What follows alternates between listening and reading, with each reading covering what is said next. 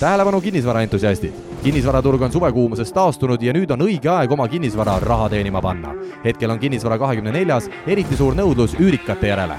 lisa oma pakkumine kuuekümneks päevaks Kinnisvara kakskümmend neli portaali, kasuta sooduskoodi kodu kolmkümmend ja naudi kolmekümneprotsendilist allahindlust. kinnisvara kakskümmend neli, kuuluta õiges kohas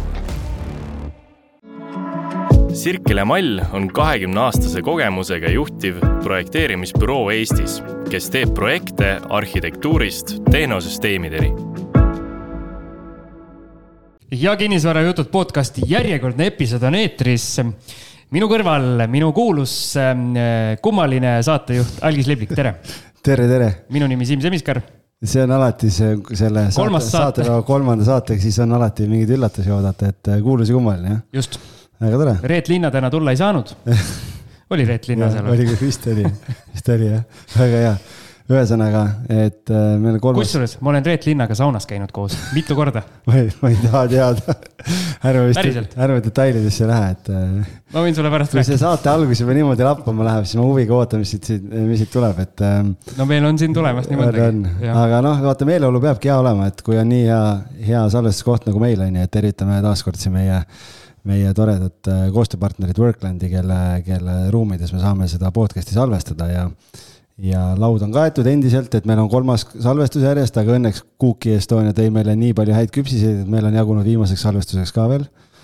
ja lumiorava vesi on ka endiselt laual, seda meil ka otsa ei saa kunagi, nii et, et ma usun, et elame üle selle saate täna vist. kusjuures me oleme salvestuskohtade osas kogu aeg edasi liikunud, Algis, tänu sulle. kogu aeg läheb, läheb ja, ja, ja, läheb. sest meie esimene stuudio vist, kus me alustasime, see lükati üldse maatasa, kas sa tead seda, oled sealt mööda sõitnud? Manta maja, ei ah,, Matamäes alustasime, õige, see on, see on alles. okei vahepeal eh, see, kui me tegime seal Geeniuse ja, ja, ruumides. ja, ja seda enam ei ole, nii et nii et kinnisvara ei ole igavene. No kui sa oled eh, Tallinna ühes magusamas kohas. jah, aga kui sa oled ühe saare peal, siis seal võib-olla on, on ju, täna saamegi kohe teada, sellepärast et meil on üliäge külaline, kes sattus meile täna siia stuudiosse sellepärast, et ta juhtus olema mul äh, sõbralistis Facebookis ja ma nägin ühte tema story't, kus ta näitas seal story's, et ta ostis Virtsusse ühe korteri ja siis ma ei lasknud äh, võimalust käest ja lendasin kohe peale ja ütlesin, et nüüd on vaja tulla just, ja külas on meil siis, nagu ta ise ennast palus nimetada, ettevõtlik inimene Priit Villemson. tervist. tere tulemast! kus me pihta hakkame, Algis? tead, teemasid on nii palju, et äh, ja, ja ma palusin Priidul ka saata, saata siis äh, memo meile, et mis, millega kõigega vägevaga ta on hakkama saanud, Siimul elus teist korda helistatakse sisse saate jooksul. üldse Et- elus teist korda helistad. et äh, ja palusin saata memo ja me oleme tegelikult need küsimused Priidule ette valmistatud niimoodi, et me teame aastaid ja, ja kõike seda järjestust, kuidas ta läks ja mis ta läks, et me kõnnime mööda seda rada. aga veel enne tegelikult seda, kui, kui me sinna kinnisvara teekonnale läheme, et äh, Priidul on ka väga põnev nooruspõlv selja taga ja, ja ma olen siin ühte teist podcast'i kuulanud, kus ta käis oma elulugu rääkimas ja sellepärast ma tean, tean natukene võib-olla rohkem, aga, aga ma ei hakka ise siin ümber jutustama, et laseme tal endal rääkida, aga võib-olla kõigepealt lihtsalt äh, Priit, millega sa tegeled täna siis, räägi meie külalistele, sul on nii palju erinevaid asju käsil, et, et äh, millega toimetad? mm.. mõtlengi, kust pihta hakata, millega ma täna tegelen mm,. tegelikult oli plaan niimoodi, et, et ma viieteistkümnendast septembrist äh, ei tee nagu suurt midagi, võtangi puhkuse. ehk siis äh, Viirelaiu nii-öelda käimas hoidmine võtab tohutult palju energiat. ja, ja kindel plaan oli, et äh, noh, nüüd puhkan siis terve talve, aga läks hoopis teistmoodi, et, et praegugi tulen äh, Virtsust kus ähm, jälle läks midagi errorisse, ehk siis äh, kopp ei leidnud üles kohta, kus kaevata ja, ja ühesõnaga me ostsime ühe kinnistu sinna, mille peale me paneme mõned elamusmajutused. ja, ja siis ma lendasin tuhat nelja sinna, sain trahvi veel tuhat nelja lendamise eest. ja siis nüüd olen tagasi, jõudsin on time. aa, okei okay,, sa täna läksid ja, ja kirjutasid. ja, ja no üldse ei olnud plaanis, aga kuna sellel errori ja kopatund jookseb, siis mul tuli minna ise kohale. kuule, aga sa mainisid Viirelaidu, see on tegelikult ju, mis aastast kaks tuhat, kolmteist. kolmteist sinu elust väga suure osa ja aja võtnud, et mm -hmm. räägime Viirelaiust. Siim on meil mees metsast, tema, ma ütlesin, kas sa Viirelaiust tead midagi, ta on mees Vaidast. ta on viimane eestlane, kes ei tea mitte midagi sa oled saare omanik. no põhimõtteliselt võib öelda küll niimoodi, jah. kus Viirelaid asub ja mis sul seal on uh,? Viirelaid asub uh,, see on siis umbes poolteist tundi Tallinnast sõita uh,. sõidad Virtsu, Virtsust hüppad kaatrisse kümme minutit üle vee. ja, ja siis ta ongi, noh, nii-öelda asukoha mõttes ongi siis ta siis Muhu ja mandri vahel. ehk siis viis kilomeetrit ühelt poolt, viis kilomeetrit teiselt poolt, et sihukene pisike väike saareke. räägi sellest, kuidas sa sattusid sellisesse kohta, et mis see taust on, see on ka päris põnev lugu. jah, tegelikult kui ma nagu terve selle loo ära rääkiks, räägiksin, siis lähekski selle peale kaks tundi. Aga mm, aasta oli siis kaks tuhat kolmteist ja me tegelesime autoäriga, meil olid autopoed Soomes, Rootsis, autoteenindus. ja siis kuidagi ähm, olid noor, aktiivne, raha hakkas üle jääma ja siis ilmusid välja kaks meest, kes siis ütlesid, et kuule, et meil on selline saar, on ju, me tahaks sinna teha puhkekompleksi, meil oleks vaja, et keegi ehitaks selle valmis. Läksime me siis äh, sõbraga sinna saarele, vaatasime, et päris äge koht. mis seal ikka, teeme omale ehitusfirma ja hakkame siis ehitama ja, ja niimoodi me siis äh, teadsite ehitusest ka midagi enne või? null, täiesti null see on hea, see on hea algus juba. Et. no kui raske see saab olla, eks no vot täpselt, seda me, me istusime seal maja katusel, jõime jäägermeistrit ja, ja mõtlesime, et kui, kui keeruline saab olla, et istume ju kontoris ja siis võtame alltöövõtjad ja alltöövõtjad ehitavad ja siis ähm,. kõik sujub no,. täiesti kõik sujub, on ju. ja kuna meil ei olnud ehitusest nagu noh, õrna aimu ka, on ju, noh, mul isiklikult null, siis sõber oli mingisuguseid projekte teinud aga ta on niisugune no täielik pohhuist, on ju. ja kui ma küsisin talt, et kuule, et nüüd hakkame ehitama, leping on tehtud, on ju, et kas me peaks mingid projektid, asjad ka tegema, on ju, meil need eskiisid olid või noh, nagu pildid majadest, on ju. siis ta ütles, et poogen, et see kümme tuhat on mõttetu raisatud raha, et ei ole projekte vaja.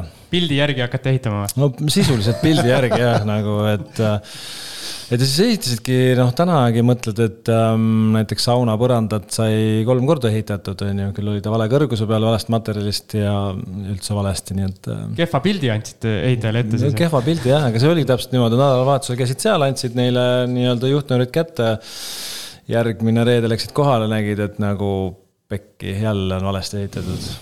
tegime uuesti aga see on päris huvitav ju niimoodi ehitusel läheneda, et äh, kurat, nii võiks mina ka ehitusettevõtjaks hakata, et äh, see on päris hea. aga mind huvitab, ma korra tulen äh, sinna juurde, et miks just teie juurde tuldi, et kuulge mehed, et ehitage meile midagi valmis, et kuidas miks ei mindud siis inimeste juurde, nägu oli peas mm,? ma ei teagi, eks me, me hiljem muidugi kuulsime seda, et mitte keegi teine ei olnud nõus ehitama seal. et ükski Eesti ettevõte, noh, kõik ütlesid ei, kaks aastat nad olid otsinud juba ja siis leiti kaks lolli, kes nagu olid nõus ehitama ja, ja siis me siis ehitasime niimoodi. nii, mis edasi sai? no vot edasi saigi niimoodi, et ähm, noh, ega see meie see algne plaan, et äh, me siis istume kontoris ja alltöövõtjad ehitavad, on ju see ka nagu väga hästi läbi läinud, et äh, just selle ühe mm, väikese detaili pärast, äh, mis on transport, et seal sadamat ei olnud kuidas sa siis viid asjad sinna, siis me ehitasime mingi parve, on ju, siis keegi on nõus selle parvega transportima materjale sinna ja siis juhtuski seda, et kontori asemel istusime me hoopis seal kaatris ja vedasime seda parve. ja niimoodi me siis kolm aastat äh, jaurasime, kuni me saime majad valmis, kasutusloa peale. ja see oli nagu see märk, on ju, et siis nüüd saame arved välja saata ja siis äh, saame raha. aga oh jama omanikel oli raha otsa saanud ja üldse algatati mingisugune mm, uurimine selle kohta ja mm, ühesõnaga omanikud kadusid kuidagi pildist ära, nii et. lihtsalt kadusid ära? nojah, nad ei olnud enam kontaktis väga. nii, aga, aga ja siis mõtlesid, et kui juba al alustatud sai, et siis no selles mõttes, et siis ju, mäletan, istusime seal sauna terrassil, jõime õlut ja mõtlesime, et mis me nüüd edasi teeme oma eluga, sest noh, raha on nende majade alla pandud, on ju. kuigi majad meile ei kuulu, on ju. et, et kuidagi võiks ju ikkagi saada raha tagasi ja, ja siis tuligi selline mõte, et hakkaks turiste vastu võtma. Et ehk saaks midagi tagasi ja niimoodi me siis äh, pea kaks aastat äh, üürisime välja maju, mis tegelikult meile ei kuulunud, aga kuna omanikud väga kontaktis polnud, on ju, siis mis seal ikka. aga tänaseks on need sinu omad siis? jah, tänaseks meie omad. nii, okei okay,, aga, aga see saar nagu, kui selline, see kuulub riigile, see kuulub teile, mis, kuidas selliste asjadega käib? selle saarega on nüüd selline lugu, et äh, enne vanasti oli niimoodi, et see osa siis nüüd, kus on see majakas ja majad, on ju, see kuulus Majakaväila. ehk siis nagu ütleme, kümme protsenti saarest. ja ülejäänud oli siis Kuivastu ja Padastava isa karjamaad. ja nüüd tänapäeval on niimoodi, et, äh, et siis kümme protsenti on ikka meie enamus on RMK, on ju, ja siis on veel mõned, kes on nagu pärinud nende mm, mingisuguste mõisade järeltulijad, on mingisugused siilud, on ju. aga ehitada sinna rohkem mitte midagi ei saa, sest on nagu ehituskeeluala, maastikukaitseala, no kõikvõimalikud mingid keelud on seal peal, on ju, et ehk siis meil on ainult sihuke ruut, kus me sees võime toimetada, väljapoole ei tohi ja, ja nii ongi. okei okay., ühesõnaga mingit konkurentsi teile tulla ei saa. ei saa tulla, jah. ideaalne ärimudel ju. no ma räägin, monopol. Viirelaiu monopol. aga kuidas need majad endale siis saite lõpuks, kui omanikku ei ole, omanik näole ei anna, noh, kuidagi juriidiliselt pidi saama selle ju ära vormistada mm,? no nagu ma enne mainisin, siis mm, ära kadusid need omanikud sellepärast, et, et need, seal on kolm maja, on ju. Need eelmised omanikud olid teinud nagu siis kolm OÜ-d, on ju iga maja oma OÜ, igale majale oli siis PRIA toetus peale küsitud. PRIA siis ka mm, kummalisel kombel andis ja siis kolm aastat hiljem siis või noh, kaks tuhat kuusteist siis hakkas uurima siis politsei, et kuidas üldse sihuke asi juhtuda sai. ja eks see oli ka natuke põhjus, et miks neil rahad takerdusid ja, ja nii-öelda edasi ei läinud see projekt. ja siis kaks tuhat kaheksateist ehk siis kaks aastat hiljem mm, tegin ma siis ettepaneku sellele ühele põhiomanikule, et kuule, et nagu, et järsku tahad ikkagi ära müüa. ja ta oli juba kaks aastat kohtus käinud selleks ajaks ja siis ta ütles, et okei okay,, et äh, ma müün äh, need ära äh,. noh, põhimõtteliselt ta tahtis lihtsalt kaelast ära saada, on ju, see ostuhind oli suhteliselt marginaalne. et lihtsalt mine istu ise kohtus siis nende firmade esindajana, siis äh, ma ütlesin, et okei okay,, et ma võin siis istuda siis kohtus, on ju, sa müüd soodsa hinnaga ära ja ja nii ma selle tehingu tegin, jah. ja siis istusingi kohtus kuni, mäleta, mis ta kaks tuhat kaheksateist, kaks tuhat kolm aastat või. noh, sellega ka omaette muidugi story, et kuidas ma seal kohtus istusin, aga, aga nii ma sain. ja tänaseks teil on, ma vaatasin järgi nagu parlamendis, teil on sada üks ööbimiskohta, et see on mm -hmm. taotluslik number või? tegelikult ei ole, praegu väga huvitav, et sa ütled seda, et see lihtsalt äh, ilus number yeah riigikogu suvepäevad. ma olen mitu suvehoogu võtnud, et tulla, sa tead ise ka, ma olen torkinud ja uurinud ja ma siiamaani ei ole jõudnud erinevatel põhjustel sinna, aga, aga mul on plaan ikka tulla, sest noh, nii palju, kui ma jälgin sotsiaalmeedias, siis nagu väga ägeda asja olete seal või nagu noh, sina siis, see on täna ainuis-, ainuisikuliselt. nüüd on minu jah, et see sõber, kellega koos me alustasime, ehitasime, tegime, hüppas ka paadist kas kaks tuhat üheksateist välja, ütles, et ta ei viitsi enam. et mega, mega äge, et ja põnev oli see, et ma vaatasin, mul on kaheksas august on pulma aastapäev on ju, mul oli kümnes pulma aastapäev ja siis ma jälgisin story sid teil ja mul oli eelmisel aastal korra käis mõte läbi, et võib-olla peaks tegema mingi siukse ägeda ürituse, on ju, ja ja siis, kui ma vaatasin, et sa tegid story sid, kuidas torm, kuidas torm läheneb ja, ja evakueeriti inimesi ja inimesed, kellelgi pulm kaheksandal seal ja nad ei olnud nõus loobuma sellest, siis ma mõtlesin, et päris riskantne värk ikka seal üritusi teha, et. no nii on, aga samas tehtud sai see ja, nad olid väga rahul, et noh, sihuke.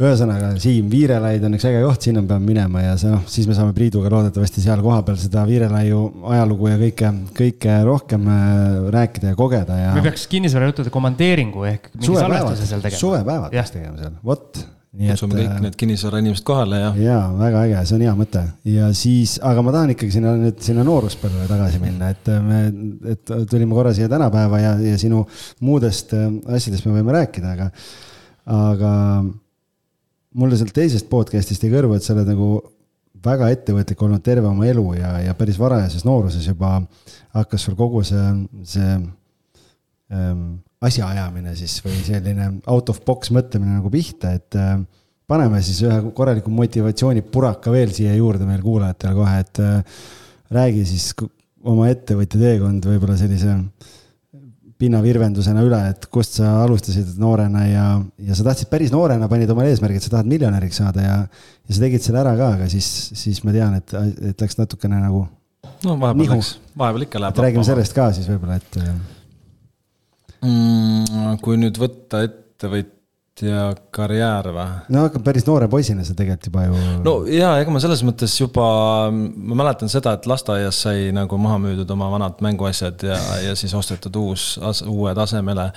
Et, et ta kuidagi terve nii-öelda nooruspõlve, ma mõtlen isegi, kes, kellega koolis olen käinud, nüüd oleme kohtunud, siin öelnud ka, et, et nagu hull tegelane. kõik müügiks nagu,. kõik müügiks, et kõik, mis sai, kõik igal pool olid nagu tead näppudega vahel, et et nii ta läks jah, ja, ja esimese nagu selles mõttes noh, nii-öelda korraliku äri tegin siis, kui ma seitseteist vist oli, seitseteist, kaheksateist, ma isegi ei mäleta, ühesõnaga tegime Kuressaarde restorani. Mis siis toimis äh, terve ühe suve ja siis sügisel äh, tuli välja, et inimesed kaovad ära restoranist ja siis, äh, siis me panime selle kinni. Ehk siis noh, see on see hooaja. elusana kadusid ära või elusana, ja, ja. Lihtsalt, et sügis kukkus nii ära, millega me, noh, polnud ju üldse mingi mingisugust ärist või, või restorani pidamisest aimu ka, aga no Eesti toitude restoran ja siis tegime ja, ja tuli sügis ja siis. korra torka vahele, noh, ütleme Viirelaid ja Kuressaare ja sul nüüd Virtsu ja sa oled ise Saaremaa mees või? jah, Kuressaarest pärit. okei okay,, okei okay et siis sellepärast see kuidagi see on jäänud, aga see Viirelaid tuli täitsa lampi ju ellu, et et aga noh, Kuressaarega jah seotud, et siiamaani on seal mingid korterid ja asjad alles, et. ja see oli selline tore ettevõtluskogemus, kus maksite lõpuks peale siis või, või saite nagu?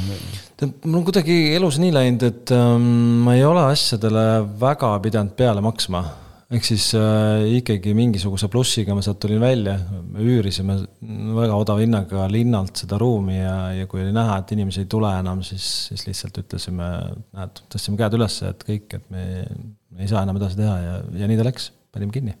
noorte poistena ikka tegelikult mingi seitsmeteist, kaheksateist aastaselt hakata restorani tegema, et päris julge samm. no null aimu üldse, et nagu mingi. tundub, et sul pealehakkamisega probleeme ei ole, et kui valdkonnast ei tea, siis ei tea ja siis hakkad õppima. no täpselt nagu selle ehitusega on ju, noh, ei tea, noh, davai, teeme. ja ei muidugi, et, et see on tegelikult iga asjaga, et, et julge pealehakkamine on pool võitu, et noh, okei okay,, läheb tuksi, siis läheb, aga kui sa ei proovi ja kui jääd kogu aeg sellesse planeerimisfaasi, on ju, siis, siis ei juhtu ka mitte midagi, noh. mis siis edasi sai? mm,? edasi kolisin ma ju Saaremaalt ära Tallinnasse ülikooli ja, ja siis mul läks nagu rohkem nii-öelda noh, kuna, kuna meil peres väga palju raha ei olnud, siis ma pidin samal ajal ka tööl käima. siis mu esimene töökoht, ma mäletan, oli Tallinnas, too aeg oli ta Eesti ainuke viietärni hotell, Schlossli hotell. ja siis ma läksin sinna pakikandjaks. sihuke pisike hotell, kakskümmend kolm tuba aga mulle kuidagi hullult meeldis see, et sa said äh, nii-öelda klientidega, oli sul otsesuhtlus, on ju, sa õppisid, kuidas äh, olla nagu hea selle hospitality's, on ju. ja, ja see kajastus ka selles, et, äh, et sisuliselt iga õhtu, mis ma sealt koju läksin, olid taskud raha täis, sest et kliendid andsid nii palju jootraha, on ju, et kui sa nagu olid hea teenindaja, siis siis nii ta lõppes, et mul oli niisugune tunne, et ma teenin rohkem kui see hotelli direktor, on ju, et et äh, et selles mõttes huvitav periood oli jah, ja sealt ma natuke olen seda nii-öelda õppinud üldse seda, et kuidas nagu kliente teenindada ja, ja kuidas teha nii, et neil nagu oleks hea. et noh, ma nii eredalt mäletan ühte välisõpetajat, kes meile toodi koolitusele ja ütles, et ei tohi mitte kunagi ei öelda, ükskõik mida see klient küsib sult, peab kogu aeg olema jaa või siis leiad mingisuguse mooduse see probleem lahendada, on ju. Lähed tänapäeval kuhu iganes kohvikusse, restorani ja nii edasi, siis noh, pooled vastused on ei, ei saa, ei ole võimalik, noh, ja nii edasi, et ma olen seda hästi palju Virelaiule ka toonud, et et jah, sihuke huvitav ala. okei okay., nii, sealt siis sealt siis liikusin järgmisse töökohta, siis ma olin Mustamäel äh, bowlingus äh, mingi instruktor ja kes iganes parandas neid radu, on ju. sealt edasi äh, oli mul mingi periood sihukest musta auku ja siis äh,, ja siis mul ei olnudki tööd, ma mäletan seda, et, et oli mingi periood, kus nagu tööd ei ole, midagi ei ole, raha ka ei ole, on ju. ja siis äh, et mõtlesin, et mis ma siis edasi teen, on ju. kõige lihtsam tol ajal oli minna, läksin ehitajaks, on ju. panin mingeid liiste ja ma mäletan, et nagu mõtlen, et kurat, et see ei ole minu töö, on ju. ja mis ma siis tegema hakkasin, oli see, et äh, võtsin selle, ma ei mäleta, kas see oli too aeg CV Keskus, CV Online, no vahet ei ole, igal juhul hakkasin CV-sid saatma. saadad ühe, on ju, vaatad, vastust ei tule, saadad teise, vastust ei tule, on ju et jube tüütu on ju, siis ma mõtlesin, et no poogen, saatsin nagu iga päev umbes, ma ei tea, sada seda application'it suvalt, ma isegi ei valinud, kuhu nagu. ja lihtsalt kandideerin, kandideerin, kandideerin, kandideerin ja siis hakkasid tulema nagu kõned, et tule siis töövestlusele, on ju. ütlesin okei okay,, lahe on ju. ja siis ma sattusin nagu, ma ei tea, no alates nõudepoest kuni Kunda tsemendi juhatuse liikmeni erinevatele töövestlustele. ja mis siis juhtus, oli see, et alguses olid selline nagu shaky ja värisesid, on ju, aga need küsimused on suht samad, on ju, kogu aeg, mida küsitakse, on ju. ja lõpuks oli umbes nii, et, et lähed uksest sisse, jalaga uks lahti, on ju, istud seal tooli maha, sest sul ei ole vahet, kas sa saad selle töö või ei saa, on ju. ja kaotada, kaotada mitte midagi ei ole ja see oli nagu niisugune noh, trenn, on ju. ja siis oligi niimoodi, et äh, ma umbes käisin vist peaaegu sajal töövestlusel või ühesõnaga nagu randomly. ja tuli kaks pakkumist ja üks oligi niimoodi, et pakuti Kunda tsemendi juhatuse liikme õpipoisi kohta, on ju, eks ma oleks kaks aastat õppima, siis oleks saanud juhatuse liikmeks, on ju.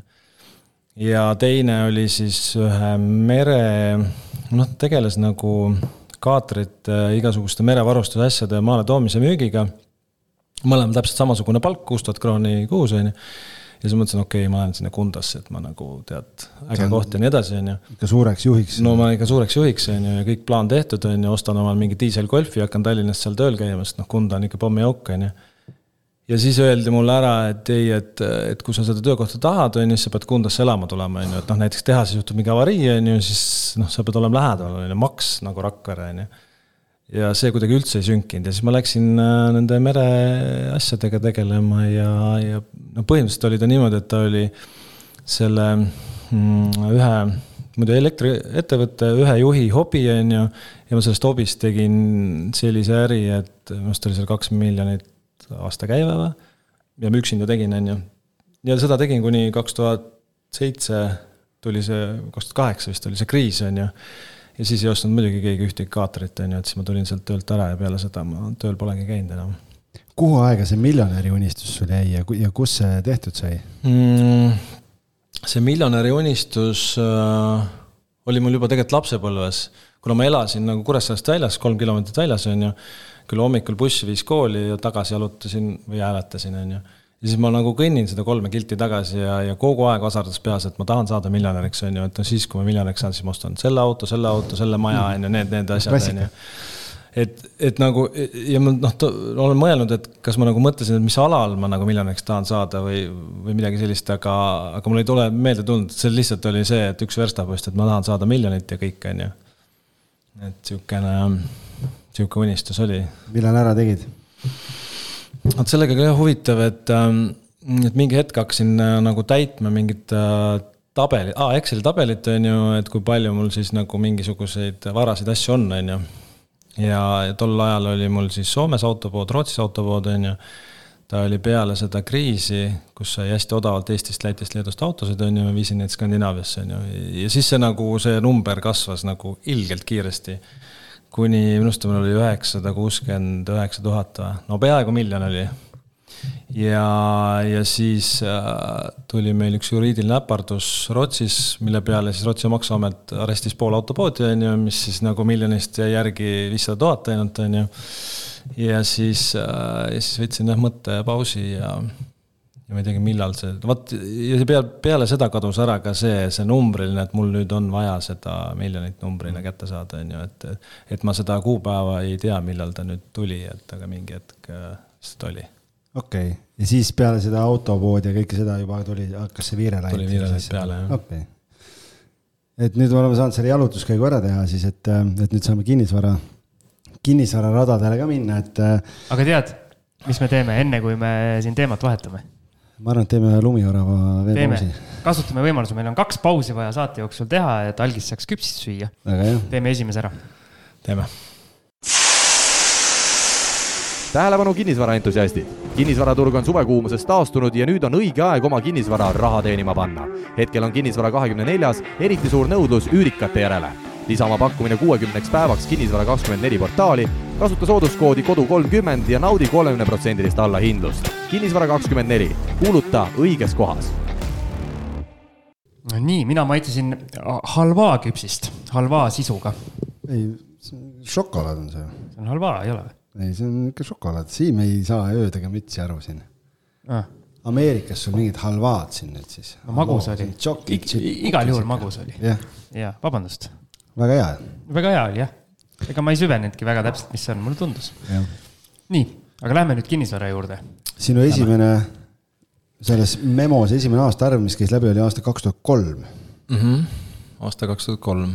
algis oli siis alles, äh, mis kooli see superboy sa olid või ei, ikka ma olen kaheksakümmend kolm sündinud, siis ma olin ikka Salla koolist olin ammu väljas juba no,, siis ma olin juba ülikoolis. ma tahtsin sind nooremaks, nooremaks valetada natukene, aga ei õnnestunud. ei õnnestunud jah. jah Äh, aasta oli siis kaks tuhat kolm, ega ausalt öelda endale need asjad ju meelde ei jää, et need tehingud, mis äh, kunagi tehtud on, need on jäänud ja sa nendele kogu aeg ei mõtle, aga, aga seal tõesti... oli sul mingi mustanahaline sõber üleval korrusel ka, et sellepärast on see huvitav lugu. ja, ja selles mõttes ja kui nüüd algis küsis mult, on ju, et mis su siis kinnisvaraalased asjad või mis sa teinud oled, on ju, siis mul kohe tuli meelde, et esimene korteri ostmine sai teoks tänu tänu ühele Kariibi saare kuninga pojale, kes elas Eestis. ja, ja sellega huvitav lugu, et ma elasin äh, Tallinna kesklinnas Videviku tänaval äh, koos oma kahe ülikoolikaaslasega ja siis äh, panin tähele, et meie üleval elab üks mustanahaline mees, on ju, kes nagu tihtilugu on purjus, on ju. ja, ja kuidagi sattusime ühes baaris või ööklubis rääkima ja ja siis äh, juhtus see, et saime sõpradeks. tal oli tihtilugu abi vaja, et tuua, ma ei tea, algsi süüa, mis iganes, on ju, mina olin siis tudeng, on ju. ja mis mul ikka selle vastu olla sain, aitasin teda. ja, ja tema siis selle abi eest andis dollareid kas ta oli päriselt ka siis Kariibi saare mingi asja poeg? No jaa, ma selles mõttes, äh, see tundubki nagu väga sürr, on ju, et kuidas nagu mingi mees, on ju, kes elab Eestis, on mingi Kariibi saare kuninga poeg, on ju, mõtlesin, et ajab mulle mingit kägu, on ju, ja siis ta näitas mulle oma passi, on ju, seal passis oli selline nimi nagu Sedvik Mortimer Toomas Kolmas. noh, reaalselt nagu USA-s välja ainult pass, on ju, selline nimi, siis ma küsisin, et kuule, et nagu miks niisugune nimi, et nagu Kolmas ja nii edasi, ja ta ütles, et jaa, et mu isa on seal, ma ei mäleta, mis saare kuningas, on ju küll noh, ta ei ole nagu, ta on nagu esindusfunktsiooniga, on ju, mitte nagu vanasti valitses, on ju. ja, ja siis me jah, nii kaua olime sõbrad, kuni kaua ta, või noh, mitte kuni, vaid ta mingi hetk sõitis Eestist minema, aga, aga. mida te tegisime üldse? Tead ta. no Eesti ei ole kõige sellisem jõi koht. ju, ütlesin ah, kogu aeg okay.. no mida tulevad välismaalased Eestis tegema, nagu talle meeldisid Eesti naised, nagu hullult meeldisid, on ju, no ja siis, kuna tal seda raha oli nagu rohkem kui vaja. perekonna raha siis laiaks löömas. no põhimõtteliselt jah, et, et ta, temaga minu arust oli juhtunud niisugune asi, et ta oli õppinud äh, kuskil Columbia ülikoolis tuumafüüsikat mingi nagu mingi high-end nagu, ühesõnaga ta vahepeal rääkis nii, et nagu mitte midagi ei saanud aru, onju. raketiteadust õppis. jaa, umbes niimoodi ja ta oli olnud lendur ja, ja mulle tundus, et ta oli nagu üle õppinud ja ehk siis natuke midagi oli tal seal kupli all sassis, et et aga noh, siin ta oli ja siin ta toimetas ja, ja me ja siis kuidagi kinnisvara tuli ka sinna, et kuule, et ta küsib, et tahaks investeerida midagi, et tahaks siin ka osta, on ju, siis me jõudsime jälle tagasi Kuressaarde, on ju. et davai, et ostame selle Kuressaare Maapanga maja ära, suur maja, on ju, see oli müügis. siis ta võttis omale mingi. mul jäi, mul jäi Maapanka kaks krooni ja nelikümmend üheksa senti. no vot, siis oleks tagasi saanud, oleks mul selle saanud kätte aga jah, siis ta selle tehingu jaoks võttis omale advokaadi ja siis see advokaat muidugi nägi, et jube hea nagu teenimisvõimalus on ja ostis hoopis ise ära selle, nii et sellest me jäime ilma nagu. aga jah, nende saadud dollarite eest ostsin ma siis Pelgulinna oma esimese korteri. okei okay., ja mis seisukorras see oli või, miks sa just selle valisid uh,? Ma ei tea, too hetk mul, mul on kuidagi mingite vanade majade vastu mingisugune tõmme olnud ja see oli mingis vanas majas, ta oli okei okay korras. kuna mul oli raha olemas, siis ma nagu mõtlesin, et noh, mõeldud-tehtud. nii-öelda sain oma korterisse kolida, ei pidanud enam üürima.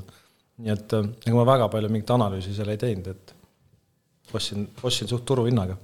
mäletan, kolmsada tuhat krooni ja mingi natuke alla. kui palju on inimesi, kes saab öelda, et mingi kuningapoja, tänu kuningapojale on ostnud oma esimese kinnisvara, et mis see Mortimer või mis iganes, mis tema sellest asjast kõigest arvas?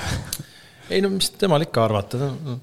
ikka toimub, jah, ma ei, ma ei küsinud, ma lihtsalt ju ostsin ära ja, ja kolisin sealt ära ja siis meie kontakt nagu hakkas vähe, vähehaaval nagu vähenema ka, et et igal juhul huvitav periood oli. mis temast nüüd saanud on või sa ei ole kontaktis olnud enam? ma olen teda vahepeal näinud jälle, siis ta elas kuus aastat Ukrainas, siis minu arust ta kolis Peterburi kolmeks aastaks, aga niimoodi tripibki ringi, lihtsalt tiksub ja on ja kulutab raha ja. aga riik vajab valitsemist ju mingi hetk no ei tea, sihukest meest võib-olla no, ta võtabki elukogemust, vaata, et ta oleks nii hea valitseja kui võimalik.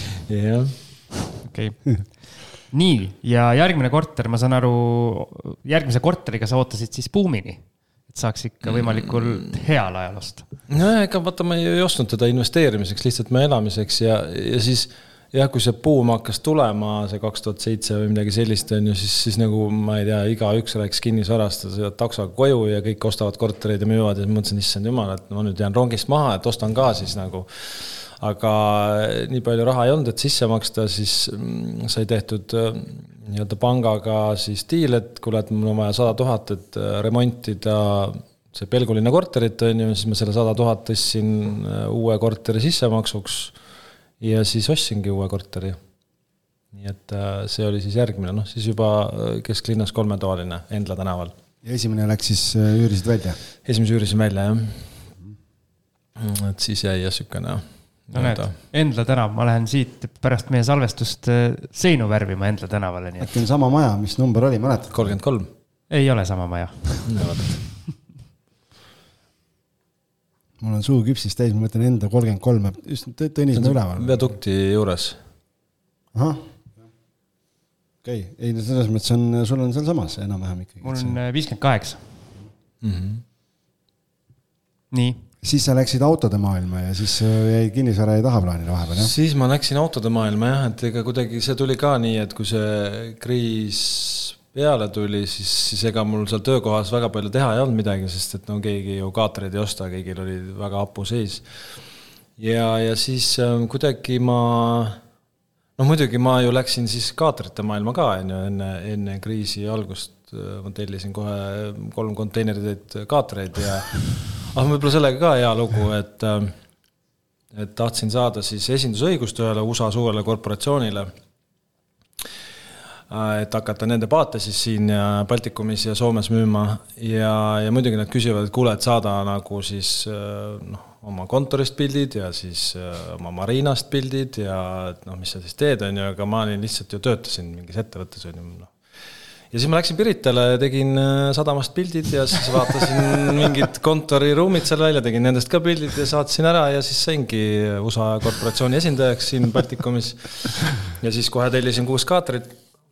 ja siis äh, jah, siis hakkasin neid müüma siin Eestis ja need jäid kätte siis, kui kriis ei, ma ikkagi müüsin kõik maha ja, ja väljusin jälle plussiga sealt, et, et kuidagi läks hästi. aga, aga siis jah, kuidagi nii-öelda selle mm, sõidukite ostmise müügiga tekkiski see mõte, et okei okay,, et nüüd ma pean otsima, kus odavalt saada, on ju, siis too aeg hakkas kriis tulema Lätist, Citadeli pangast sain otsekontakti, sain põhimõtteliselt poole hinnaga autosid osta ja siis müüsin need Soome ja siis niimoodi ta läks palju juurde panid, siis ei pannud poole ilmselt, panid paar korda?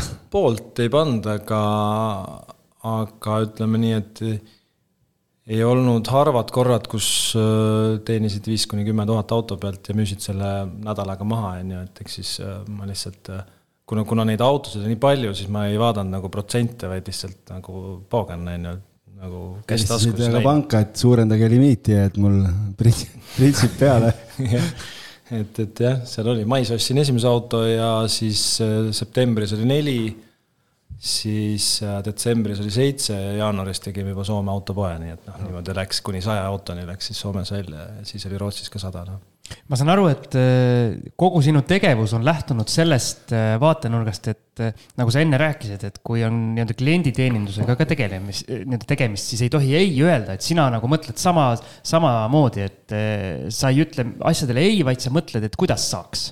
mitte, et ei saa, vaid kuidas saaks. ja, jah, täpselt kuidas, kuidas on, kuidas teha see asi võimalik, et noh, kui on kuskil näha, et saad soodsalt osta ja sul on võimalus kuskile müüa, on ju, siis why not, noh, kasutad ära selle võimaluse. okei okay,, ja teine asi, inimesed ütlevad, et nojah, aga mingid eh, kontaktid ja mingid peavad ju olemas olema, et kuidas sa märkad neid asju, et kus saab odavalt ja kuhu saab kallimalt müüa, et kuidas eh, see nii-öelda avatud silmaring tekib? Otsid, ei... otsid sa neid kohti või, või, või need nagu tulevad sinul? ma ei otsi, ma võin kõndida mööda tänavat ja ma juba näen nagu neid võimalusi, mida siin võiks teha, on ju, noh. nüüd ma olen õppinud äh, seda, et, et ma nagu need äh, ärid, kus on palju tööd ja vähe tulu, need ma nagu viskan peast kohe välja, on ju, et noh, muidu ma võin ju siia maha istuda ja, ja hakkab tootma peale. klombi kurku kohe et, et ta kuidagi on, mina ei tea, kas see on sünnist saati kaasa tulnud või, või mis see, miks see nii on noh kutseõigus. Business coach peaksid olema kellel ei ole head äriideed, siis äh, sinu jutule ja mm. -hmm. no vot, võib-olla siit uus äri. no vot, no vot, näed, et äh, tasus tulla kuule, aga siis äh, järgmise kinnisvaratehinguna ostsid hoopis ühe kinnistu ma mõtlen korra. ja, ja see tuli nii, et äh.... Priidul ei ole märkmeid ees, meil on, et me aitame siis sul. ja, ja mul jooksis vahepeal juhe kokku. ühesõnaga siis äh, juhtus selline asi, et äh, oli laps sündimas ja, ja, ja mõtlesime, et ilgelt tore oleks ikkagi kolida korterist majja ja ja kuidas sa ikka nagu ostad, kui võtad laenu, on ju, noh, siis me tegime minu kaasale siis äh, emapalga, no mis sai maksimumi teha, on ju. kuus kuud tegin ja siis hakkasime otsima nagu krunti, et kuhu siis see maja nagu ehitada, on ju. ja küll me käisime Kakumäel, on ju, ainuke tingimus on see, et ta peab koolile lähedal olema, et ei viitsi nagu lapsi tassida edasi-tagasi, et nad hakkaks ise, ise käima.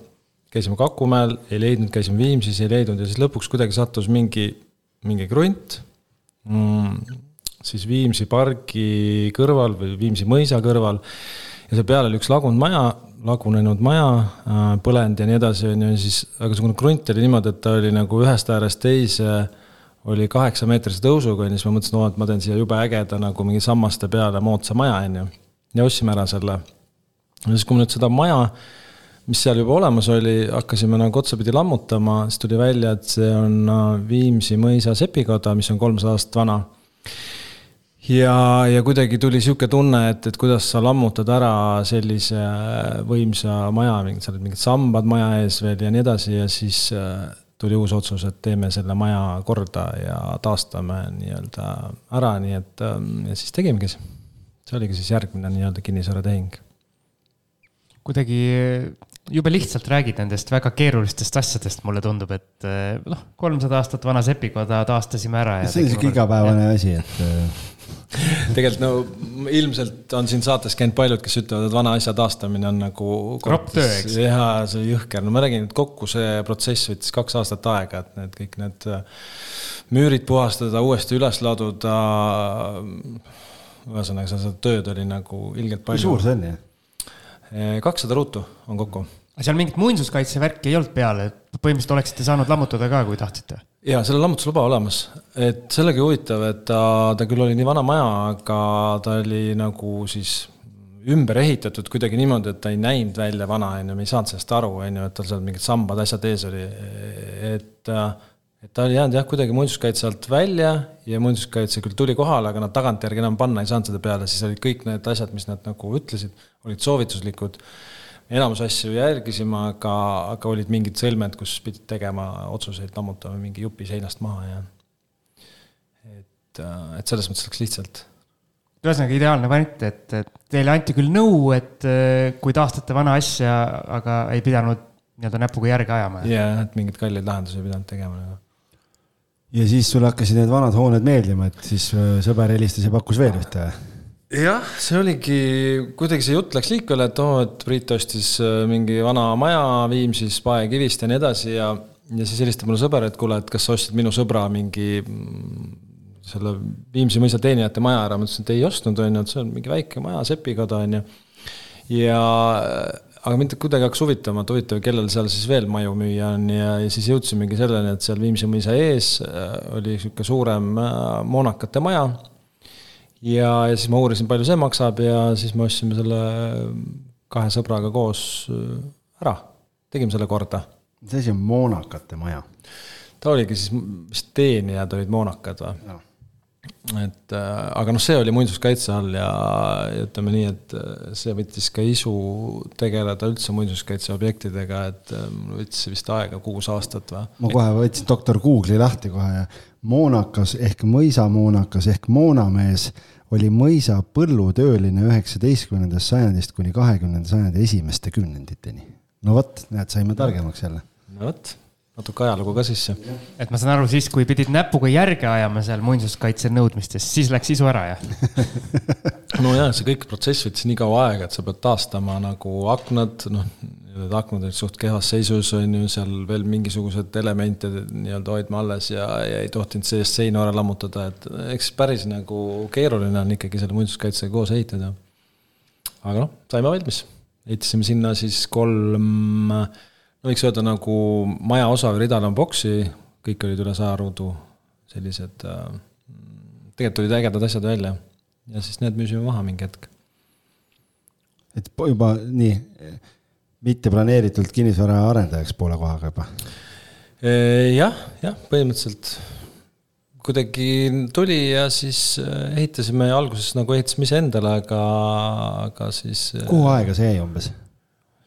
See nüüd läks, me alustasime kaks tuhat neliteist või?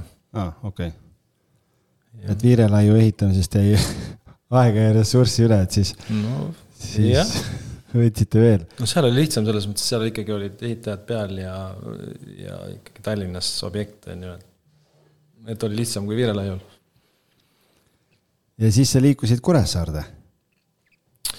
ja, ja, ja Pelgulinna tagasi ja Pelgulinnas ostsin enda korteri kõrval veel, no ühesõnaga vaatasid kogu aeg, et seisab seal mingisugune korter, keegi seal ei käi, on ju, ja siis võtsid ühendust selle omanikuga, on ju, siis tuli niisugune suur vene naine sinna sisse, on ju, ja siis üritasid temaga tingida seal ja teha, on ju, siis ta ütleb, et ei, et et ei saa, on ju, äh, hinnas alla lasta, et kuna ma pean deklareerima selle tulu ära, on ju, ja ja siis mõtlesin, et kuule, et davai, et ma maksan sulle siis sullis, on ju mille peale ta läks näost punaseks ja ütles, et kas te teate ka, et ma olen Maksuameti siin sisekontrollist, on ju. ja siis sealt ei saanudki midagi olla tervitame Maksuametit, aga täna, et kõige esimene salvestus meil oli Maksuametiga, kes kaks siin siis üle-eelmisel nädalal nii-öelda. jah, nii et, et siis sai jah, see ära ostetud ja. aga müüdi ikkagi jah? aga müüdi jah, selles mõttes müüa ta tahtis ja tegi, aga noh, see oli ikka suht räämas korter ähm, aga ma tegin jah sihukese lükke, et äh, tegin ta suht soodsa hinnaga korda, on ju, et vaata, tihtilugu on nii, et ähm, tegelikult korteri remont on kallis, on ju, seal näiteks oli puitpõrandad, on ju, siis vaatasin, et issand, et ma küll ei taha siia nagu uut parketti midagi panna, lasime lihvija peale, lihvis selle vana põranda ära nagu, seal olid küll mingid augud sees veel, keegi oli triikraua jätnud põrandale, on ju, kõik need jäid, on ju, ehk siis nagu tegelikult tekkis jumala äge nagu põrand suht soodsa hinnaga. ajalugu jäi põrandasse sisse. ja, ja kõik jäi, on ju, siis oli mingi sein, on ju, siis selle lasid ära krohvida, siis millegipärast olid praod sinna sisse, mõtlesid, et okei okay,, panid tühjad pildiraamid seina, on ju. et noh, et see peabki olema pragudega, on ju. et kõik siuksed mingid lükked, et üli nagu soodsa hinnaga.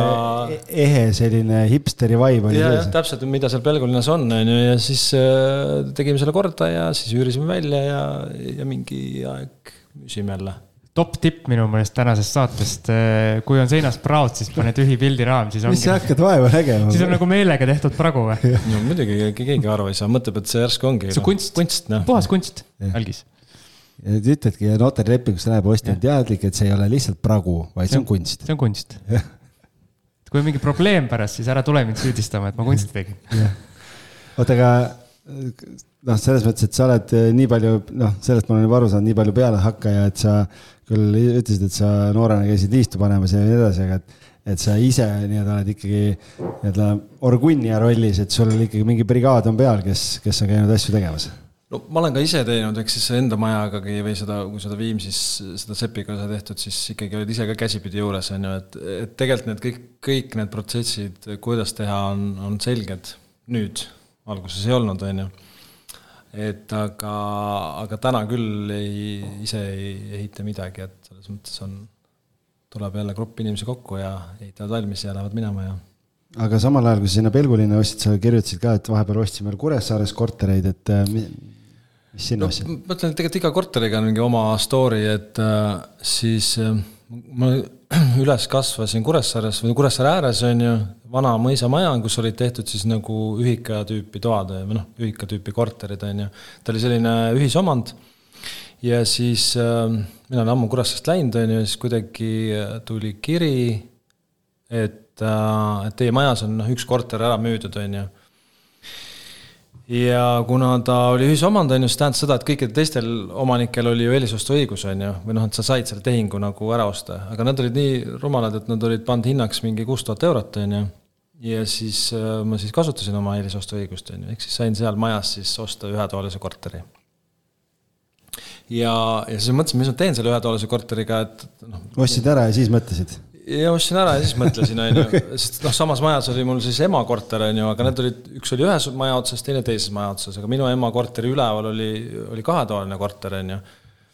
ja siis ma helistasin sellele kahetoalise korteri omanikule, et kuule, et sa niikuinii ei ela siin, et, et teeme, teeme vahetuse, et ma annan sulle väiksema korteri, sul on väiksemad kulud, on ju, sa anna mulle siis kahetoaline korter, on ju.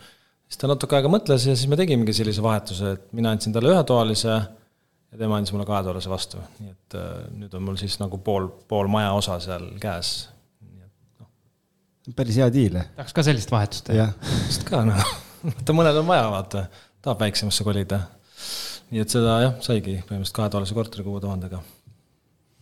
kuidas sa järjest neid oste oled finantseerinud, et äh, sa oled siin rääkinud erinevate huvitavate objektide ostmistest, et äh, on need eralaenud, on need pangalaenud osades kohtades oleme puudutanud ka seda, aga, aga üleüldiselt. jaa, no selle Viimsi krundi ma ostsin laenuga, on ju, siis noh, see oli lihtsalt mugav võtta, on ju. aga muidu enda vahenditest kuidagi äh,, kuidagi nii on läinud. ja siiamaani toimetad enda vahenditega või nüüd ikka kasutad panka ka juba? nüüd olen kasutanud panka ka, et, et tundub, et see protsent on nii hea, et, et tasub võtta.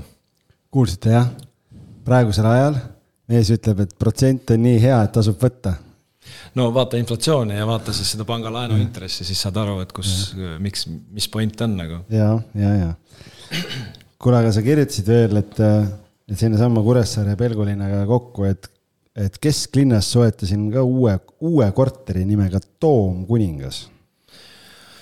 jah no mingi hetk tekkis mõte, et, et kui meil see Virelight nagu nii-öelda tööle hakkas, kuna ta alguses oli ikkagi niisugune hobiprojekt ja meil ei olnud ju plaanis seal hakata mingit majutust pakkuma ja, ja nii edasi, on ju, et mingi hetk hakkas ta toimima ja siis me mõtlesime oma naisega siis, et äh, lahe oleks nagu iga aasta osta üks korter, on ju, ja siis lõpuks kümne aasta pärast saame selle Virelaiu kinni panna või mis iganes, on ju, selle tüüritulust, on ju, et noh, siis see Toomkuningas saigi nagu äh, ostetud nii-öelda esimese sellise korterina. Toomkuninga sinna uusarendusse siis? jah, see on vist viisteist jah. jah, see on alles? see on alles. okei okay. ja siis sa kirjutad, et sul on äh, huvitav kogemus Viimsis asuva saja kaheksakümne ruutmeetrise krundiga, kus ma saan aru, sai päris korralik, päris korralik kasum teenitud. jah sa küsisid mingeid huvitavaid neid yeah. tehinguid, on ju, ühesõnaga. mulle tundub, et sul ainult sellised eristuvad tehingud ongi, et. et sellega oli selline lugu, et seesama tänav, kus äh, mul see maja oli, siis seal tänava äh, nagu kõige esimene, kohe seal alguses oli mingisugune üks nagu vana maja, tead, niisugune nägi välja nagu veits nõiamaja, niisugune tead, lagunenud aknad puruks ja nii edasi, on ju. ja siis ma hakkasin uurima, et issand, et kelle maja see siis on või nagu ja siis tuli välja, et mingi üheksakümne kolme aastase naise maja, on ju ja siis ma hakkasin otsima teda, käisin tal seal kuskil Õismäel ukse taga, et kuule, et nagu müü oma maja ära, on ju. aga ta ei teinud ust lahti. ja, ja siis see kuidagi, see mõte kadus ära, aga, aga mingi hetk nagu tuli uuesti tagasi, et kuule, et nagu tahaks ikka seda nagu maja ära osta, et noh, seisab lihtsalt siin Viimsi, on ju ja, ja siis äh, tuli välja, et see vanadaam oli ära surnud vahepeal ja tuli välja, et üks minu nii-öelda Facebooki tuttav siis on nii-öelda tema pärija või üks neljast pärijast, on ju. ja siis ma sealt hakkasin arutama, et ma nagu võtsin temaga ühendust, küsisin, kas ta tahaks maha müüa, ta ütles, et tal pole mingit sidet, ta võib maha müüa, aga no räägi teistega ka, on ju. siis üks mees oli üldse Soomes, on ju, siis ma rääkisin temaga läbi, on ju, põhimõtteliselt võtsin kõik need neli inimest ükshaaval läbi kõik olid nõus müüma ja siis ma tegin pakkumise neile, et noh, näed, see krunt on ainult sada kaheksakümmend ruutu, on ju, kümme korda kaheksateist meetrit on ju mega väike, on ju.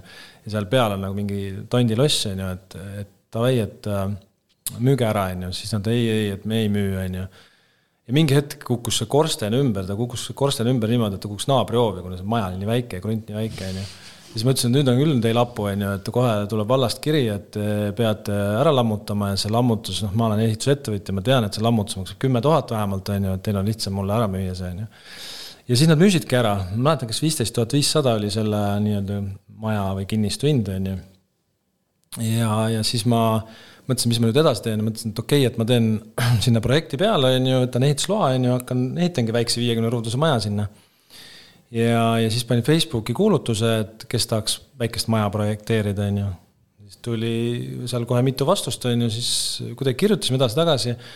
siis tuli välja, et see ettevõte äh, tahaks hoopis Viirelaiule tulla, ehk siis ma sain nagu tasuta projekti ja nemad tulid mulle siis lihtsalt külla, on ju. tegelikult ma isegi teenisin kaks tuhat viissada peale, sest nad jõid jube palju nii et, äh, et sain jah, tasuta projekti ja veel natuke raha peale ja tegin selle projekti ära, noh, ehitusloaga seal Viimsi vallas oli nagu päris keeruline, sest et nii väike krunt on ju, aga, aga kuna ta oli seal linna arhiivis sees, see maja, siis ma ikkagi nii-öelda sain teha projekti, sain ehitusloa.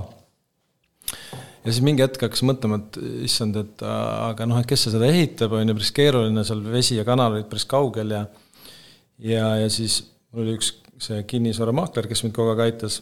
ja siis mõtlesin, et tead, et aga pane, riputada lihtsalt netti üles, et kui keegi tahab, siis tahab, on ju, sest noh, see maja joonised olid olemas, maja pilt oli nagu olemas, see nii-öelda paberi peal joonistatud. ja panime ta siis seitsmekümne kolme tuhandega müüki ja minu arust nädal aega oli ta müüdud. ehk siis viis tuhat, viisteist tuhat viissada ostsin ja seitsekümmend kolm müüsin, et suht niisugune kiire, kiire hea diil see on üsna õnnestunud flip, kui seda, üsna õnnestunud on nagu vist. aga see tondiloss jäi sinna peale sinust äh,? ei, no selles mõttes minust jäi ta sinna peale, aga siis uus omanik lammutas ta ära, et. oled nüüd mööda ka sõitnud sealt vaadanud? olen ikka, tühi krunt lihtsalt seisab, on ju, et ah. see vahepeal jõudsid kinnisvara hinnad hakata alla minema ja ei ole ta seda ehitama hakanud, nii et. okei okay selle hea tehingu jätame siia praegu kajama eetrisse ja lähme ise joogipausile. Lumiora ootab. Sirkele Mall on kahekümne aastase kogemusega juhtiv projekteerimisbüroo Eestis, kes teeb projekte arhitektuurist tehnosüsteemideni. vesi on joodud, Siimul on veel suu vett täis nagu ikka, et äh, sa teed seda vana nalja minu kulul nüüd, mida ja, mina olen kümneid kordi sinu kulul teinud. kuule, aga siis äh, su targad märkmed ütlevad, et, et nii uskumatuna, kui see ka ei tundu, et sa väsisid ära eelmisel aastal ja siis otsustasid, et nüüd müün maha kõik korterid, et äh, mm,. jah, jah, see kuidagi nagu see korterite omamine oli nagu noh, tundus nagu hea ja lahe ja see on nagu mingi pensionisammas on ju, aga keegi ei räägi, kui keeruline nende kuradi üürnikega kogu aeg nagu kembelda. mitu sul oli neid siis? mul oli vist seitse või kaheksa korterit ja, ja küll ma võtsin kinnisvaramaakleri vahele, on ju, aga need kõned jõudsid ikka kohale ja, ja ma mäletan ühte restoranis käiku, see oli laupäeva õhtul, kus äh, helistab mulle naaber, ütleb, et kuule, et su korterist nagu tuleb vett kaela, on ju, et tee midagi, on ju, siis helistad maaklerile. maakler ütleb, et ta ei saa kätte seda korteriomanikku, helistad ise korteriomanikule, kätte ei saa, võtmeid ka pole, on ju, ja siis äh, naaber kogu aeg helistab peale, on ju ja siis ma mõtlesin, lülitasin telefoni välja, ütlesin poogen, et ma ei viitsi enam tegeleda nende kuradi korteritega. ja, ja sealt tuli see otsus või noh, ja teine otsus oli see, et ma, ma panin nad ikkagi Exceli tabelisse ja vaatasin, kui palju toodab äh, peale see korter või noh, üks konkreetne korter on ju, kõik korterid võtsin läbi, et kui palju ma reaalselt nagu noh, nii-öelda mis see protsent on, mis ma aastas teenin, on ju. ja see jäi nagu tiba alla kolme protsendi ja siis mulle tundus, et nagu see on, see on nii mõttetu, et ma oskan rahaga teha nagu paremat äri kui kolm protsenti aastas, hoida teda üüris ja siis mingi aja tagant remontida, et, et et siis ma jah hüppasin sellest ärist välja, müüsin korterid maha. mis sellest konkreetsest juhtumist siis sai, kui sa telefoni välja lülitasid? Uh, siis tuli kindlustus ja kindlustus maksis kinni selle, aga. aga kuidas see vesi seal kinni saadi, see vist on kõige nii-öelda äkki. järgmine päev tuli naaber, see korteriomanik koju ja siis ta ütles, et ups, sorry, et mul jäi mingi asi jooksma, ei mäleta, mis asi. Ei, ei midagi nagu suurt ja katastroofilist, aga, aga lihtsalt ma mäletan, see märk nagu oli, et sellest, et ma ei peaks sellega tegelema, et aitab jah, et. et ja, ja noh, see ka, et ju mu enamus korterid olid vanades majades, on ju, et et ükskõik kui palju sa nagu tahtsid, siis, siis ühistu ja mm, teised korteriomanikud ei olnud nõus neid koridori asju remontima, on ju, et siis, siis nagu mõtlesin, et okei okay,, ma müün maha ja ostan siis vähemalt uude majja korterid, et, et sihuke mõte oli. Ma just tahtsingi jätkuküsimusena küsida seda, et sa ütlesid, väsisid ära ja müüsin korterid ära ja siis ma järgmise asjana loen ja siis ma investeerisin Tartu maantee kuuskümmend neli asuvasse hoonesse, kuhu tuleb kaheksateist korterit. oota, enne kui me sinna läheme, ma tegelikult tahtsin, äh, see on, see on ülihea teema, mida mina tahaks puudutada. sul oli seitse-kaheksa korterit, ütlesid ähm, erinevates kohtades, on ju. kui kerge või raske nende müümine oli niimoodi korraga või sa andsid ka ülesande maaklerile, et hakka müüma ja? andsin maaklerile, jah et sinu jaoks ei olnud mingit nii-öelda notaris käimine ainult ja kõike? ei, see oli, ma nüüd ei mäleta, kas see oli eelmine aasta või, või kus need kinnisvara hinnad olid nii üleval, et, et just seesama, need Pelgulinna korterid nagu. lendasid riiulilt. pikali, jah? jaa, ma ostsin ju selle esimese kolmesaja tuhande krooniga, on ju, noh, okei okay,, aeg oli mööda läinud, on ju, ja teine oli kolmkümmend tuhat euri, on ju, ja mõlemad müüsin üheksakümne kuue tuhandega maha, mis on nagu üle kolme tuhande euri ruutmeeter, on ju, majas, kus noh, ma ei tea, tead, seinad mädanesid ja ja kakskümmend aastat ei olnud remonti tehtud koridoris, on ju, et noh, selles mõttes minu arust hea diil, noh. jah, ei saa kurta vist sul võttis kohe näo kibedaks ma hakkasin eurodesse ümber arvestama siin seda, et noh, sihuke jah, tore kuuekohaline summa. algise nägu oli lihtsalt klassikaline. ei, mulle numbrid meeldivad, et ma lihtsalt hakkasin kohe, ma mõtlen kasu, mõtlesin kasumi peale kohe, et ähm, ei, väga tore, no ja siis ma saan aru, et oli raha, mida investeerida ja kuidas see Tartu maantee asi siis jooksis jälle ise sülle või, või sa ise otsisid, et kuhu siis panna seda? ei otsinud, kuidagi need asjad lihtsalt tulevad mingi õigel ajal. ja mul üks hea sõber äh, tegeleb nagu kortermajadega, ehitab neid, ma ei tea, korraga kahte-kolme tükki, on ju. ja ta see mentaliteet on sama, et ta nagu võtab vana maja ja teeb sellest nagu üliägeda projekti, on ju ja, ja mul on tunne, et noh, ma olen ka see vanade majade nagu mingisugune taastaja, on ju, ja siis, ja siis tuli see Tartu maantee kuuskümmend neli, mis kunagi oli Aerofloti hotell, Aerofloti töötajate hotell ja üleval veel käisime seal majas, seal oli mingi kapo, või see kapo, tolle KGB mingisugused äh, toakesed, kus kuulati pealt neid töötajaid ja, ja ühesõnaga ajalooga maja ja, ja siis ma. see on seal nurga peal bussijaama juures või? jaa, kus hästi suur reklaam peal on. mööda sõitnud ja mõtlesin, kuidas selline maja seisab niisama siin lihtsalt ja nüüd eile sõitsin mööda, vaatasin, et ahah, tellingud on püsti siin, töö käib, no vot ja nüüd süüdlane on siin. no üliäge. ma olen lihtsalt osa, osa süüst võtan enda peale, et, et enamus on ikkagi selle sõbra nii-öelda oma, ma lihtsalt nii-öelda investeerisin mingi protsendi sellest projektist. okei okay., aga see kõrvalmaja seal, see jääb ikka selline tondikas, nagu ta seal on, kus. sa mõtled see putka, mis seal ei, seal on nagu kohe, mis nagu, seal on see kuuskümmend neli nüüd, seal on see päris nagu nurga peal, see kurvi peal yeah., seal kõrval on see mingi kollane. see praegu jääb jah. see jääb nii nagu on. et selle kuuekümne neljaga. kollases on see sex shop või mingi. Sex shop on jah, see on mingi lege, lege pood, aga, aga jah, sellega, selle kuuekümne neljaga seal hoovis on ka veel eraldi maja, kus tuleb nagu kolm Sex Max on see, ma praegu mõtlesin Google'is. tuli Google'ist välja. ahah, vot, et selles mõttes, aga mis plaan on siis nende kaheksateist korteriga, mis sinna tuleb? no ehitame välja ja müüme maha no üks korter tuleb endale ka, aga, aga üldplaanis jah, nii-öelda. müügiga tegeleb, äh, kes sul on, äh, see äripartner ise müüb või, või...? just, me andsime Toomusele selle müüa ah,. okei okay. müük käib juba jah, ma vaatasin, guugeldades tuli välja. võime sulle reklaami teha natuke ka, mis see T kuuskümmend neli punkt EU. EU on see aadress. asukoht on ju mega. asukoht on mega jah Merko tegi teile turu ette sinna oma Odra arendusega, et yeah., et õigel ajal õiges kohas. jaa. ja nii, et see on, see on väga kihvt, väga kihvt maja, et äh, mul on, mul on selline küsimus, seal selle maja otsa peal on üks suur-suur LED reklaam. palju sellise asja eest makstakse, kõvasti või? ma peast ei tea seda. aga see on nagu hea teenimisvariant või? see on muidugi hea. sest no ta on nii tiheda liiklusega koha peal, on ju.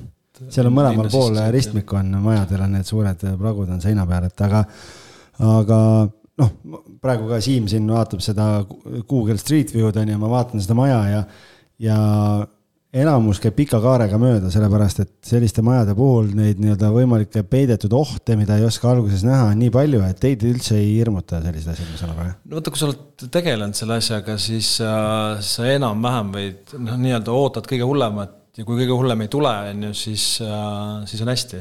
noh, et lähed sellise ootusega sisse, et selle paned juba mingi protsendi paned sisse, mis võib et raudselt mingi jama kuskilt tuleb, on ju?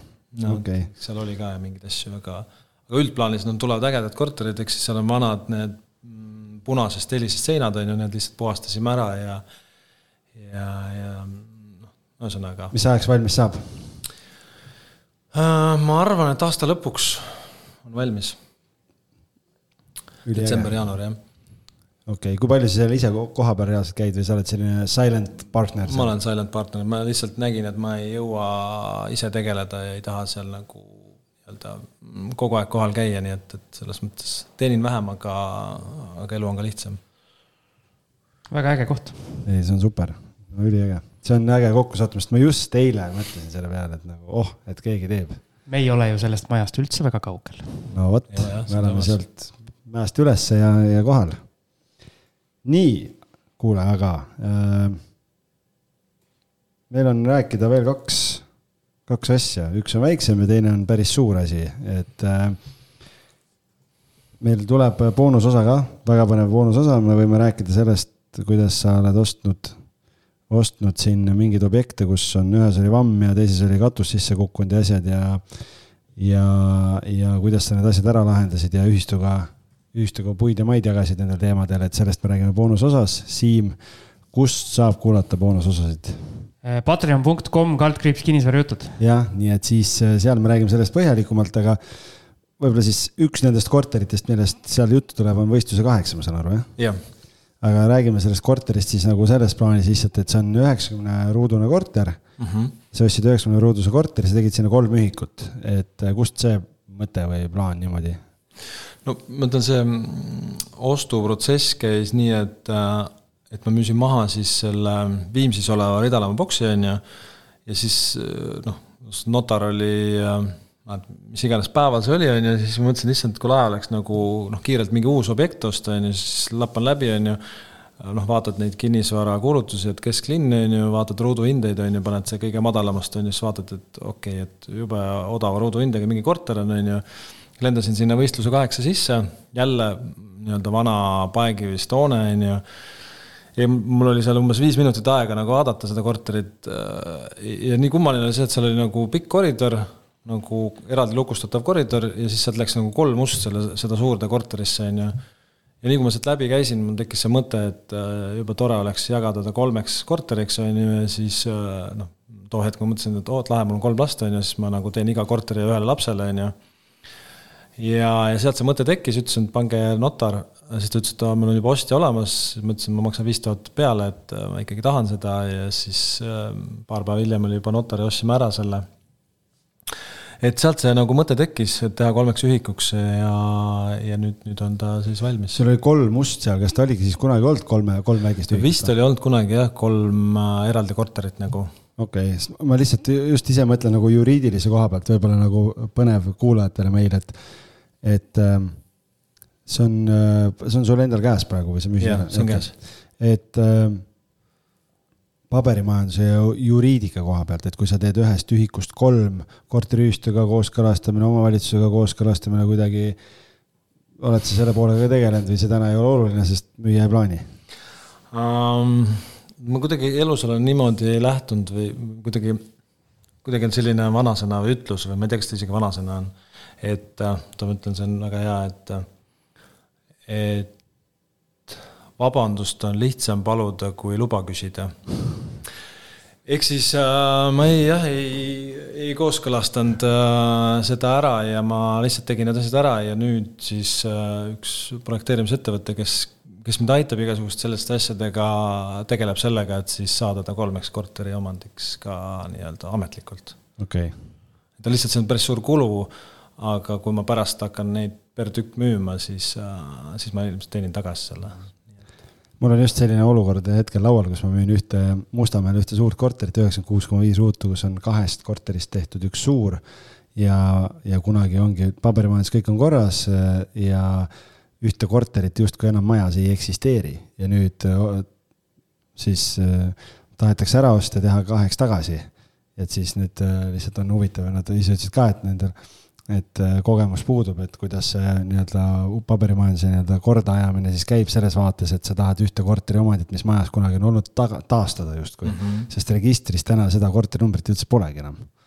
Nii et, äh, et ma mõtlesin, et võib-olla siit saab, saab mingit tarkust ja nõu, mida neile edasi anda, aga ma saan aru, et sul on see protsess on alles käsil ja see on nagu, nagu võib-olla natuke teistsugune ka no selles mõttes on olemas ettevõtted, kes nende asjadega aitavad ja, ja nad ei näinud, ma olen visanud sinna sellele ettevõttele nagu hullult palju mingeid erinevaid äh, X probleeme ette ja nad on kõik selle ära lahendanud, nii et äh, noh. tahad sa meie kuulajatele jagada ka, kes see ettevõte on, keda nad võiksid ma võin kohe kiirelt telefonist otsida, mis selle ettevõtte nimi on.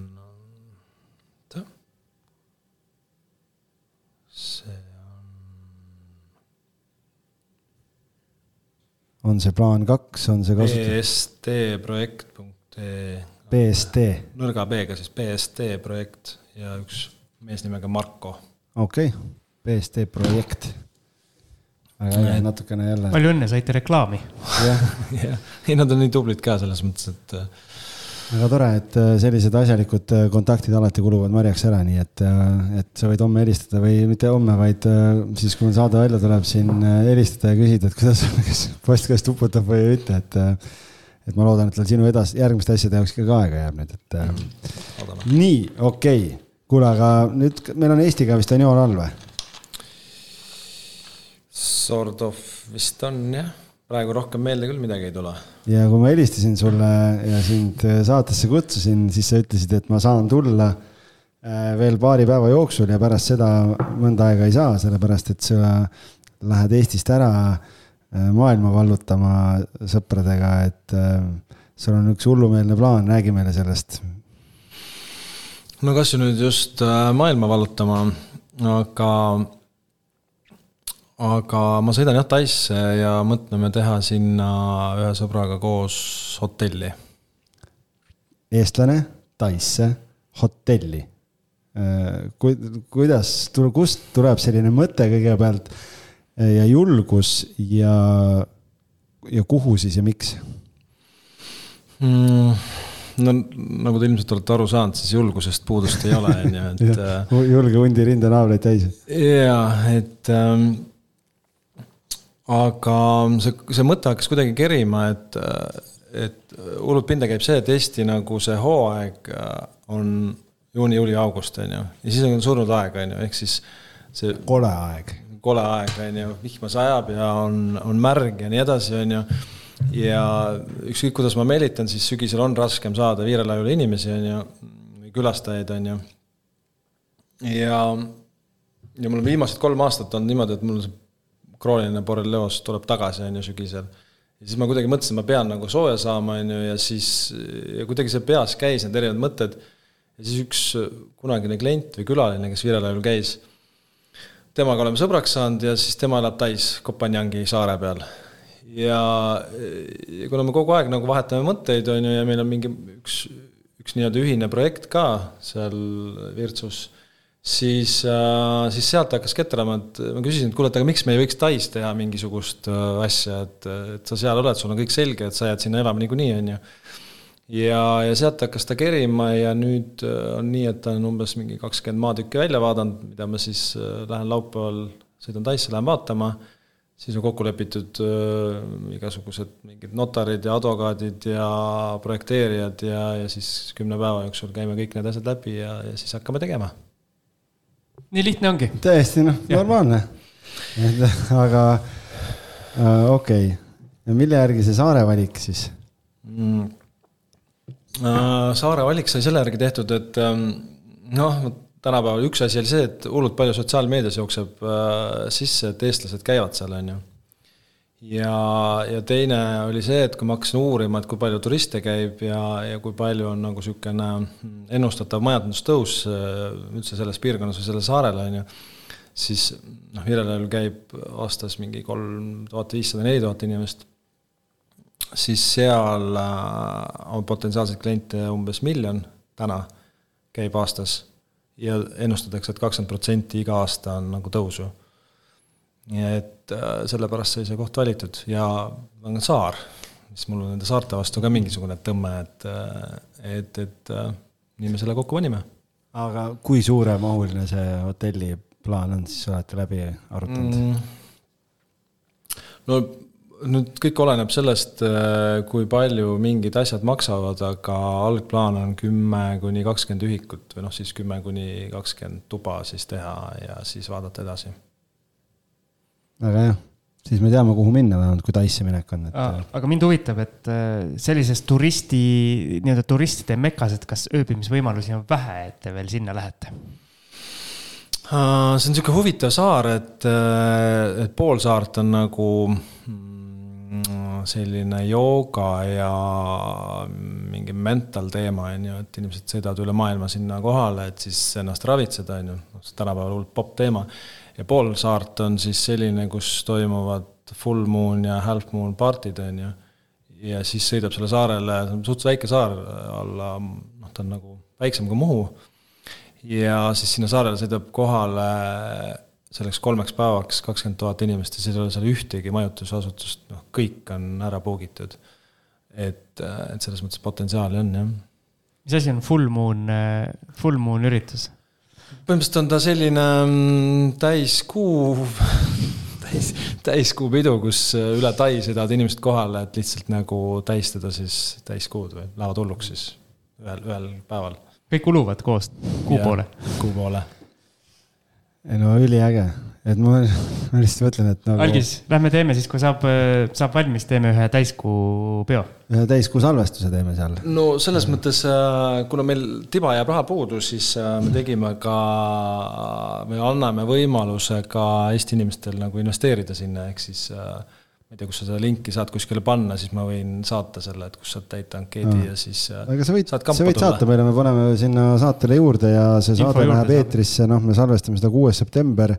See läheb eetrisse kakskümmend viis september, nii et siis septembri lõpus äh, näed ära, kas, kas rahalaevad saabuvad, et äh, väga äge.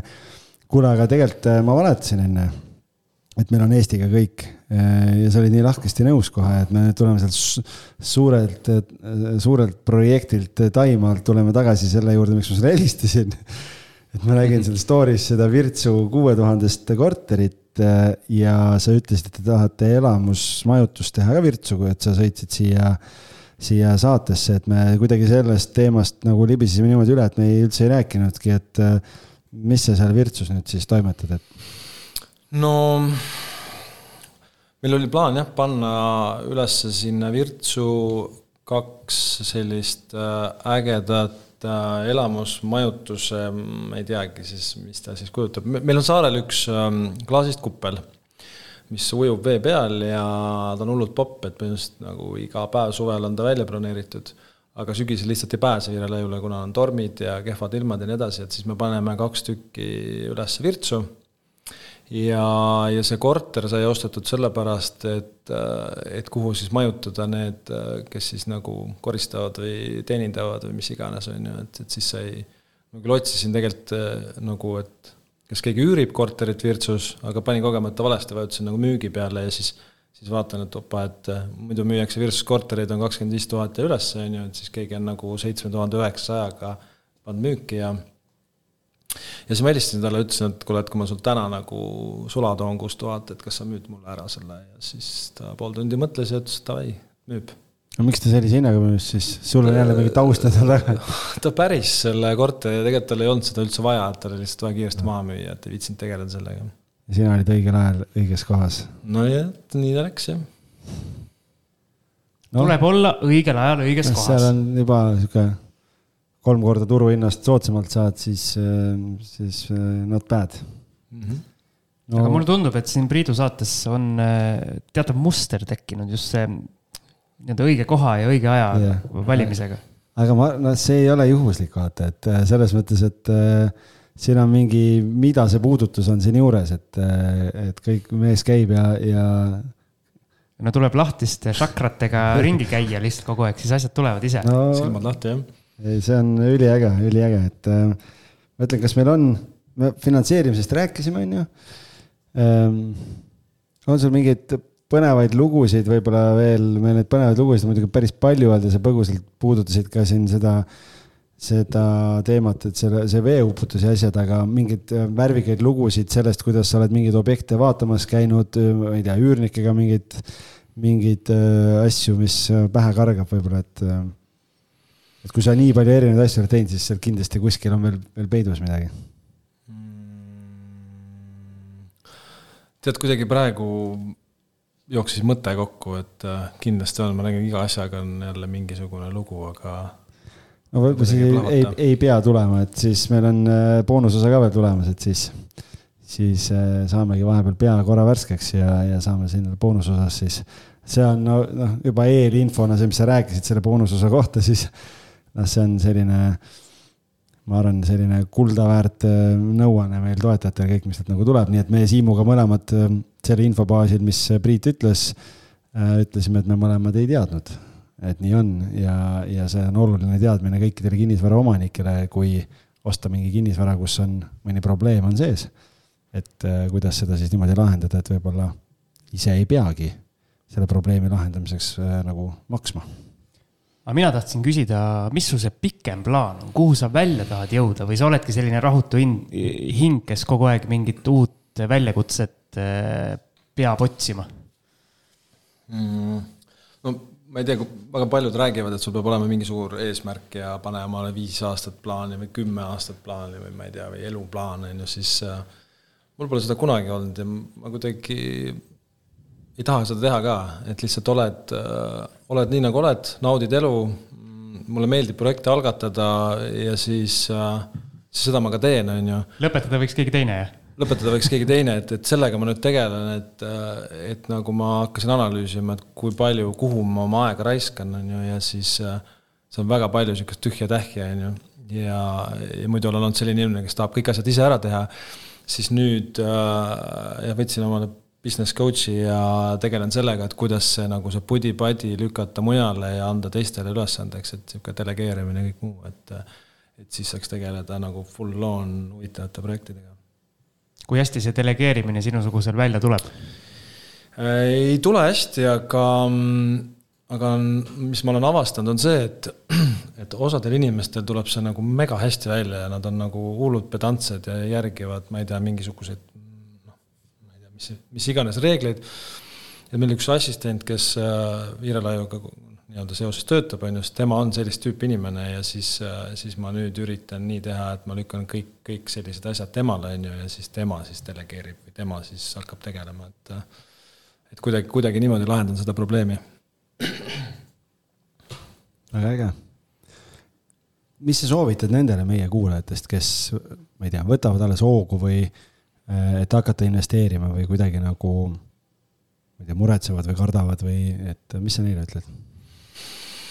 no eks ma kõrvalt olen näinud seda ju, et inimesed äh, mõtlevad, planeerivad, räägivad ja kulutavad tohutult palju energiat sellele, sellele mõttetööle, et noh, võiks nüüd hakata tegema või, või nagu peaks tegema, aga kunagi nagu ei, ei tee, sest et äh, need hirmud või see julgus äh, ei lase või, või noh, mis iganes, mis siis, kui ma ebaõnnestun, mis siis, kui teised midagi ütlevad, on ju tegelikult tuleb lihtsalt sellest äh, läbi minna ja lihtsalt teha ja, ja siis vaadata, mis siis saama hakkab, on ju.